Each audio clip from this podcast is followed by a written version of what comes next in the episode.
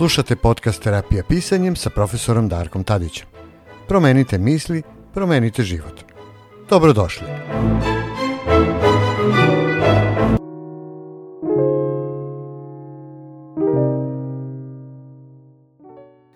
Dobrodošli u terapijske priče terapijskog pisanja. Priče koje ćete slušati su istinite iskustva mojih polaznika u radionicama. Pisali su ih sami u okviru terapijskih vežbi. Pisali su ih sa željom da iscele bol i patnju s pomoć pisane reči. Sa željom da uzmu život u svoje ruke i nauče kako da se izbore sa izazovima života. Iz razumljivih razloga imena aktera i mesta događanja u pričama su izmenjena. Sve ostalo je život onako kako se zaista desio.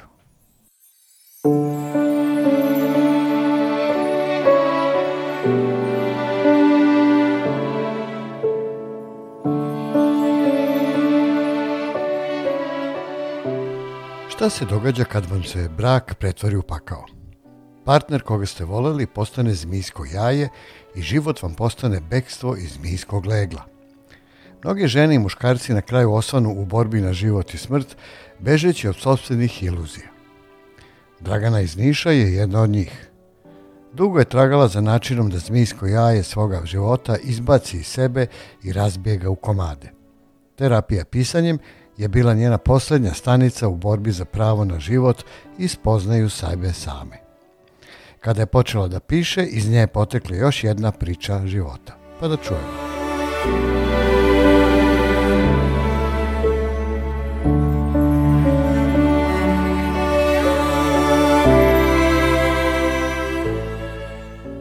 Moje putovanje u Pakao i nazad počelo je pre 12 godina.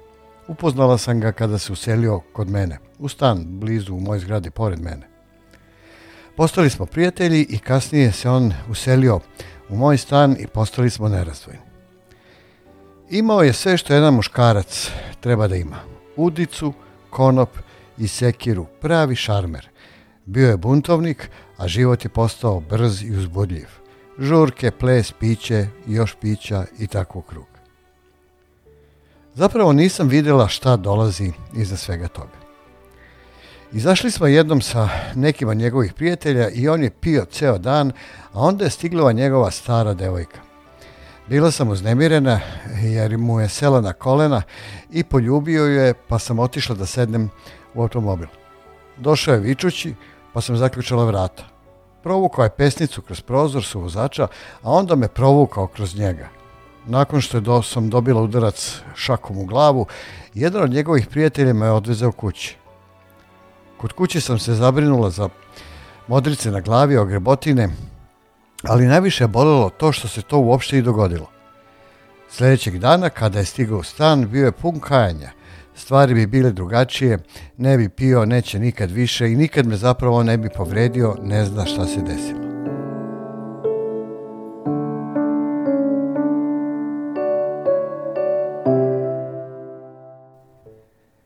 Verovala sam mu. Stvari su se poboljšale neko vreme. Ubrzo sam otkrila da sam trudna. Izgledalo je kao da je bio zbunjen, kao da se uplašio. Nekoliko meseci kasnije došao je kući pijan i nakon svađe me udario pesticom u stomak. Završila sam u bolnici sa rupturom ciste na jajniku. Bebe je bilo u redu. Vraćajući se kući, dao, dala sam ultimatum. Njegovi drugovi ili ja. On je izabrao mene.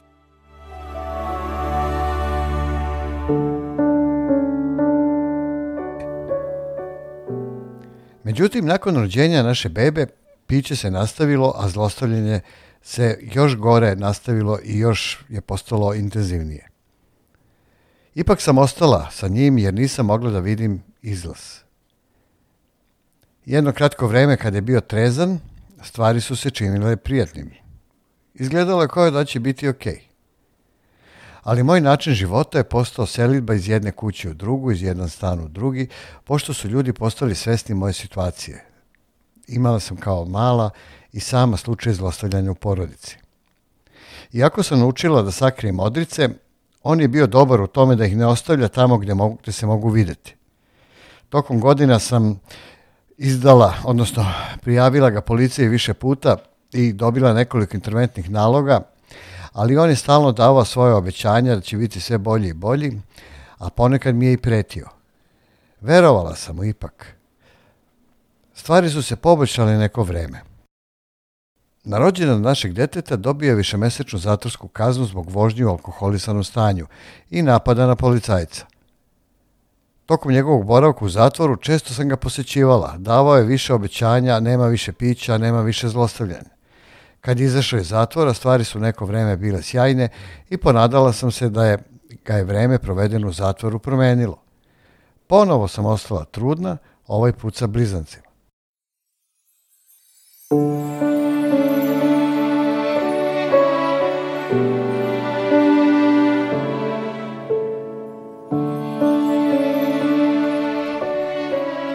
Za vreme trudnoće ponovo smo se preselili, ovog puta da bismo bili bliže njegovoj porodici, jer sam mislila da će mi na putu sa mojim bebama biti potrebna pomoć i podrška sa blizancima. Ovo je bio potez koji nikada nisam trebala da napravim. Njegov otac je takođe imao problema sa pićem. Loše su uticali jedni na druge. Tokom trudnoće me iznova i iznova zlostavljao. Opet. Drugi put sam ga povredila kuhinskim nožem i on se nasmijao jer je znao da ga neću upotrebiti, a onda mi je pljunuo u lice. Bilo je trenutaka kada je bio u hotelu sa svojim roditeljima, molila bih da neko pokuca na vrata i kaže mi da je mrtav, umesto da se suočim s njim kada se vraća kući. Bila sam zarobljena. Jedini ljudi koje sam poznavala bili su njegova porodica i nisam uopšte videla izlaz.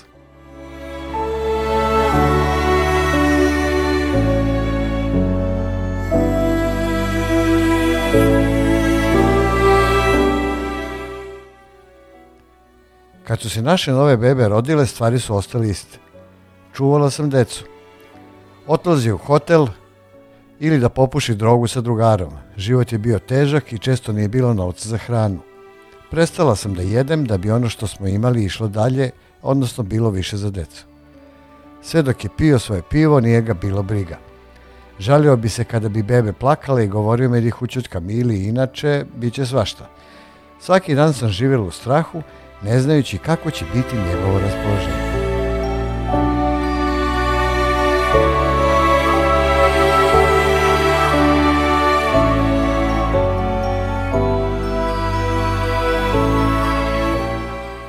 Jednog dana sam ga ostavila da brine o blizancima kako bi mogla da uzmem najše, naše najstarije dete iz vrtića.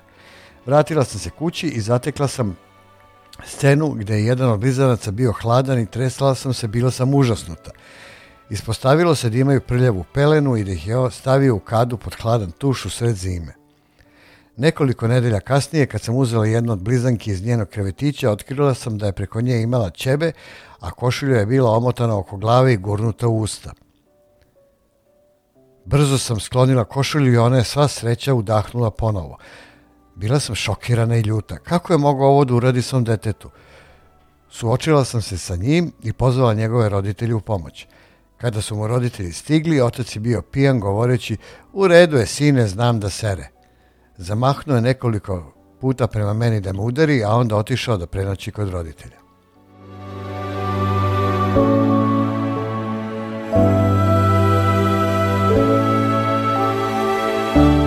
Bila sam izbezumljena, uplašena i znala sam da moram da zaštitim svoju decu. Pronašla sam telefonski imenik i pogledala pod rubriku nasilje u porodici i dobila nekoliko brojeva telefona. Počela sam sa prvim. Prvih nekoliko skloništa koje sam nazvala bilo je puno i pitala sam se da li mogu uopšte da sačekam. Konačno sam nazvala utočište, jednu sigurnu kuću, ne bih sada pominjem koju, i javila se jedna starija žena. Ne znam kako me je razumela kroz moje brojne jece dok sam pokušavala da ispričam svoju priču. Rekla je, ne sada, reci mi kad stigneš, da li ti treba pomoć i koliko brzo možeš da dođeš. Moj odgovor je bio, na putu smo. Zgrabila sam kutiju sa fotoalbumima, kesu za stvari za decu i sebe, uzela psa koji je bio moj jedini prijatelj dugi niz godina i otišli smo. Vozeći se rano tog jutra bila sam malo uplašena od budućnosti, ali ne kao što sam bila u strahu svaki dan poslednjih pet godina. Ljuske od jajeta, od zmijskog jajeta po kojima sam gazila su nestale i moja deca su mogle da plaču slobodno i nisam morala da ih učutkujem. Bila sam odlučna da preokrenem svoj život. Provela sam nedelju dana u tom skloništu pre nego što sam se preselila u jednu drugu lokaciju kod prijatelja. Promenila sam ime i počela da obnavljam svoj život. Nekoliko meseci kasnije ponovo sam se preselila kod komšije, dobila honorno zaposlenje i počela da sklapam prijateljstva po prvi put nakon što sam završila srednju školu. Život je bio sjajan.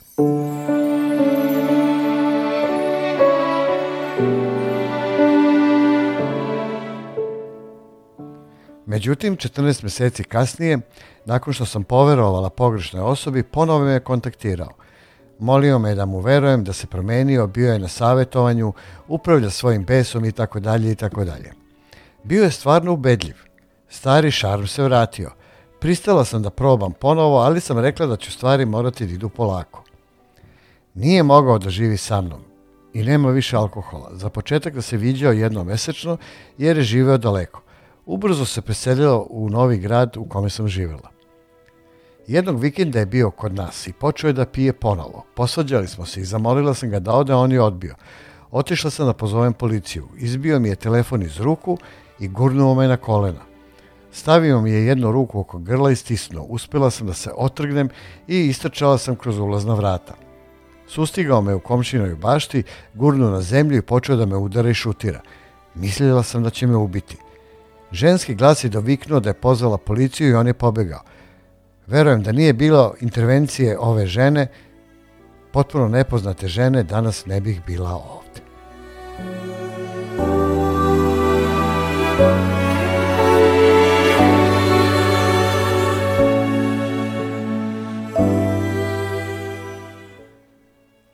Optužen je za napad, ali dobio samo opomenu za dobro ponašanje. Bila sam gorko razočarana u pravni sistem.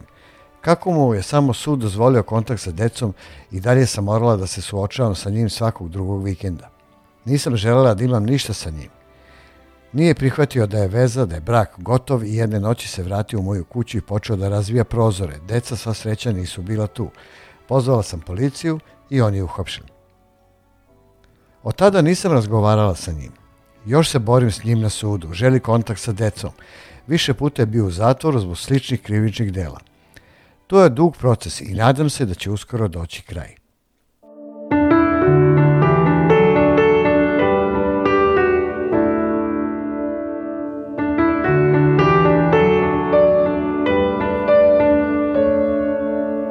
Preselili smo se u novu kuću. Iako su mi savjetovali da se preselim u drugi grad, odlučila sam da ostanem. Izgradila sam mrežu prijatelja i podršku u ovoj zajednici. Nisam htjela da me ponovo pobedi. Žene iz sigurne kuće dale su mi sigurno podršku. Znam da uvek postoji neko sa kim da mogu da razgovaram, neko ko će saslušati i čak se moliti za mene u trenucima kada mi to bude bilo potrebno. Želela sam da uradim nešto za sebe i pre tri godine sam se učlanila u klub bračnih umetnosti Kroz klub sam stekla nove prijatelje i više se ne plašim. Imam samopouzdanja, trudio sam se, trudila sam se da dođem tu gde jesam i ponosna na ono što sam postigla.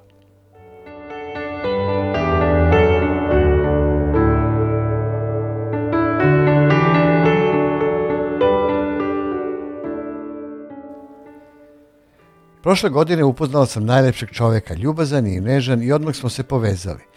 Najbolje od svega je to što deca misle da je on divan, a i on njih obožava. Uvek ima vremena za njih, sluša ih kako čitaju, sprema im školske ručkove, pozdrav, popravlja im bicikle, igra se sa njima. Najviše od svega voli ih kao svoje. Provodimo vreme kampujući, pecajući i on uvek čini da se osjećamo bezbedno. Naš život je potpun, a ja sam svakodnevno zahvalna što ga imam u životu. Cenit ću ono što budućnost donosi i planiramo da se venčamo sljedeće godine.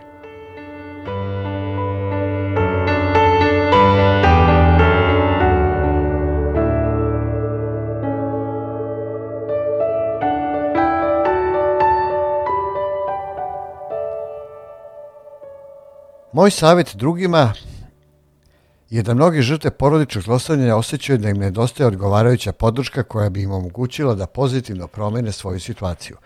Ali pošto sam konačno preduzela korak i da sebi i moje troje deca slobodim stalnog zlostavljanja, znam da je to moguće.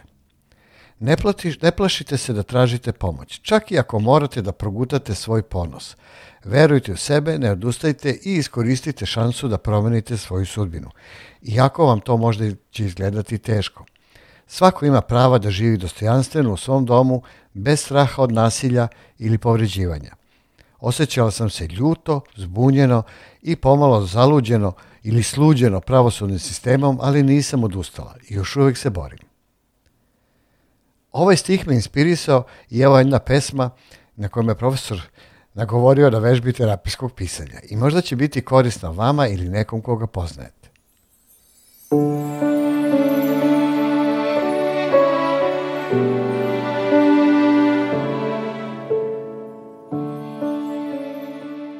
Previše ako, previše kada, previše možda i nikada više.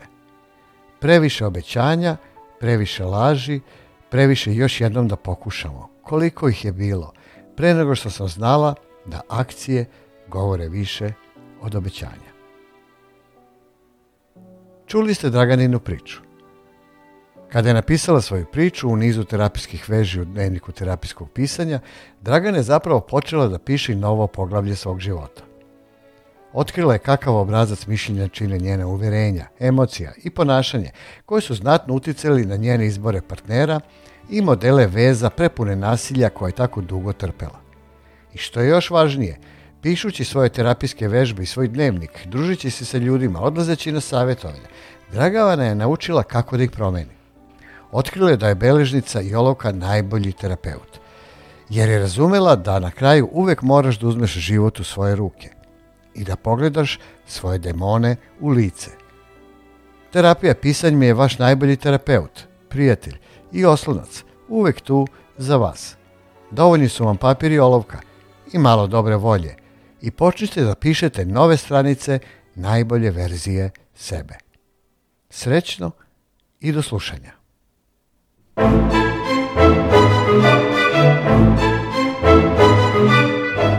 Slušali ste podcast Terapija pisanje profesora Darka Tadića.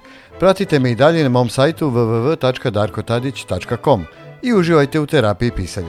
Do slušanja.